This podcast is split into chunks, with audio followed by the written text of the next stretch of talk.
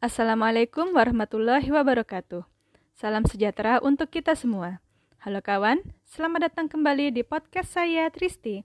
Kali ini saya akan menceritakan pengalaman pembelajaran saya di hari ketiga tahap LMS Latsar CPNS dengan mata diklat kesiapsiagaan bela negara. Di pertemuan ini, kami lebih banyak sharing tentang pengalaman kami khususnya di dunia pelayanan publik. Apa saja usaha kami saat bekerja dalam rangka membela negara. Mayoritas kelompok saya adalah dosen di berbagai universitas Islam negeri, dan ada pula yang ber berprofesi sebagai penyuluh agama.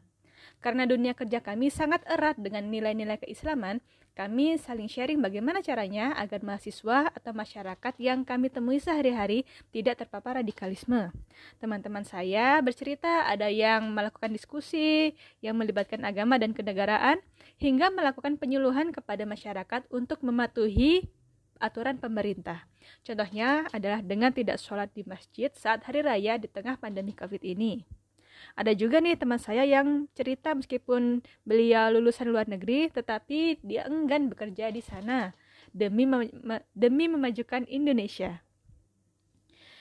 Usaha-usaha ini didasari oleh nilai-nilai dasar seperti rasa cinta tanah air dan kesadaran akan Pancasila sebagai ideologi negara.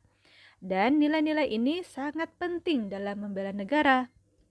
Sekian podcast saya di hari ketiga.